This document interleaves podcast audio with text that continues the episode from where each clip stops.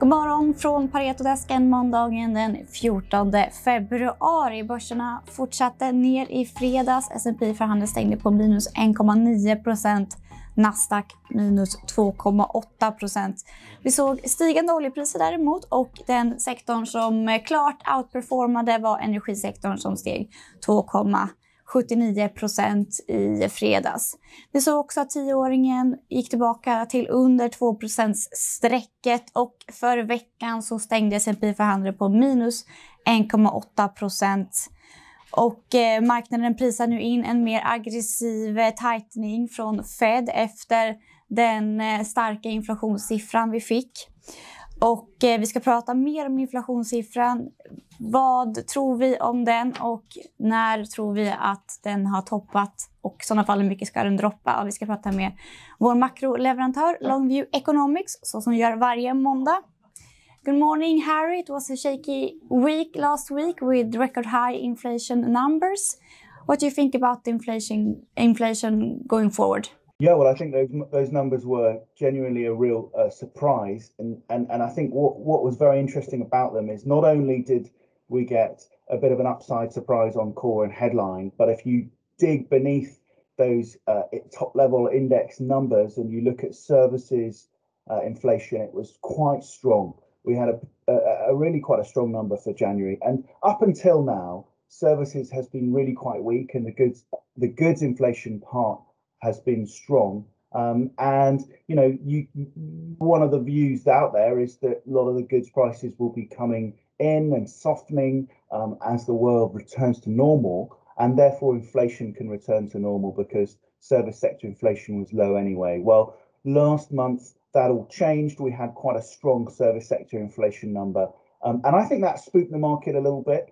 Um, you know, we've also had um, Russia tensions as well, which is adding to uh, stress in markets. So, look, I think in terms of the equity market, you know, we're in a, a, a three wave, at least a three wave pullback. And that's where you have an initial wave of selling, um, a relief rally, which in which short positions get squeezed. That's your sort of wave two uh, second wave part of it. And then I think we're probably in wave three now, which is when the equity market goes back to test the lows from wave one, if not make new lows. That's the classic three wave pattern that we see in equity markets historically in pullbacks. And I suspect that's what we're in the midst of now. And I think that inflation number was the trigger for the beginning of the third wave of selling.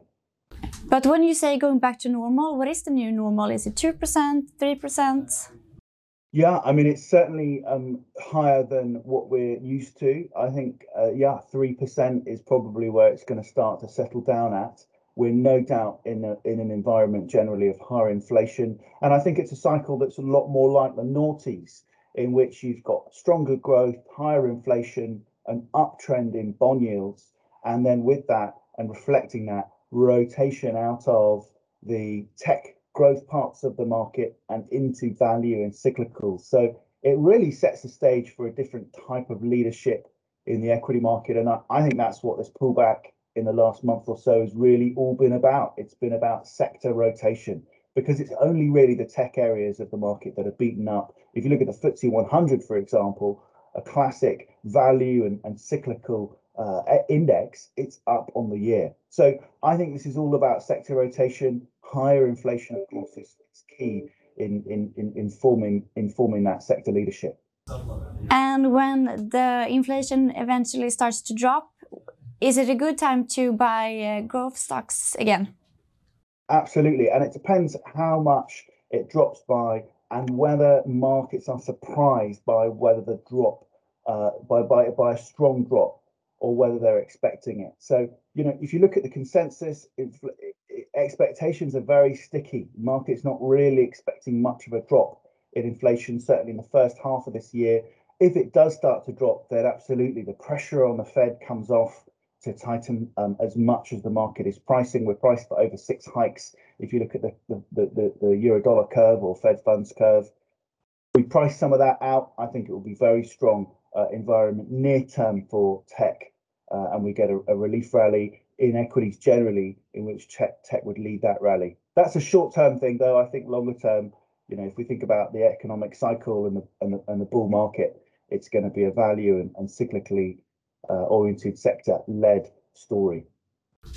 Thank you Harry. Ja, och vi har fått en del rapporter och nyheter här på, under morgonen, bland annat från Ratos, Georg, som rapporterar. Hur var den rapporten? Uh, nej men den är helt okej tycker vi. Eh, uh, Q4 är ju inte ett så superintressant kvartal för, för Ratos. Säsongsmässigt väldigt svagt. Uh, kommer in 3% under våra förväntningar på, på omsättningen men, men ganska god kostnadskontroll i framförallt plantagen. Att de slår våra förväntningar på ebitan. Men, men caset i, i Ratos bestäms bestäms inte av Q4-rapporten nu utan snarare liksom deras, eh, deras ma strategi som de har liksom visat att de har verkligen börjat få fart på nu. Så eh, okej okay rapport och ganska spännande utsikter för, eh, för kommande året. Mm. Och så i fredags fick vi lite nyheter från Gaming Innovation Group som annonserade att eh, avtalet med eh, Betsson förlängs. Det var ju någonting som skulle gått ut i oktober det här året, men vi hade räknat med att avtalet skulle förlängas. Men klart positiv för Gaming Innovation Group. Och på tal om Betsson så ska vi prata lite iGaming nu. För eh, Betsson rapporterade förra veckan, marknaden gillade rapporten men du står kvar vid en behållrekommendation. Mm. Du är lite mer svårflörtad idag. ja, kanske det. Eh, nej, men som sagt, så, som du sa, så gick den bra på, på rapport. Eh, kom, kom in ganska, ganska långt över konsensus på, på, på marginalen.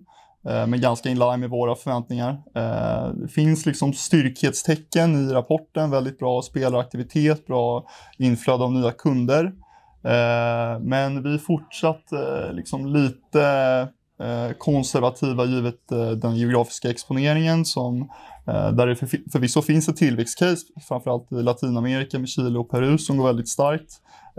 Men där vi ser att ja, nu senast Georgien kommer att implementera nya regleringar som, som kommer slå från Q2 och framåt. Så vi tycker att den geografiska exponeringen är det, det, är ett starkt tillväxtcase men det är ändå liksom ganska, ganska hög risk från ett regulatoriskt perspektiv. så det är väl det som gör att vi, vi står kvar vid, vid hold. Mm. Men eh, stabil kassa i Betsson ändå. Är det någonting mm. man kan köpa aktien för för att hoppas på lite utdelning? Ja, de har ju extremt starka kassaflöden. Eh, vad de gör med det nu eh, under 2021 var det ju M&A som var i fokus, mm. men även utdelningar. Eh, och om, ja, vi tror väl att de kommer fortsätta med på ma spåret och utdelningarna och så kanske vi får se eh, lite återköp nu också i år. Mm. Eh, men Eh, väldigt starka kassaflöden, vilket är en av, en av de grejerna vi gillar med caset. Mm. Kindred, då, ditt bolag som eh, släppte en, en, svagare rapport, men som du fortsätter att gilla. Hur var den rapporten? Eh, nej, men det var eh, väldigt tuffa komps från, från Q4 förra året. Dels hade vi ju lite sport som var framflyttad till, till Q4.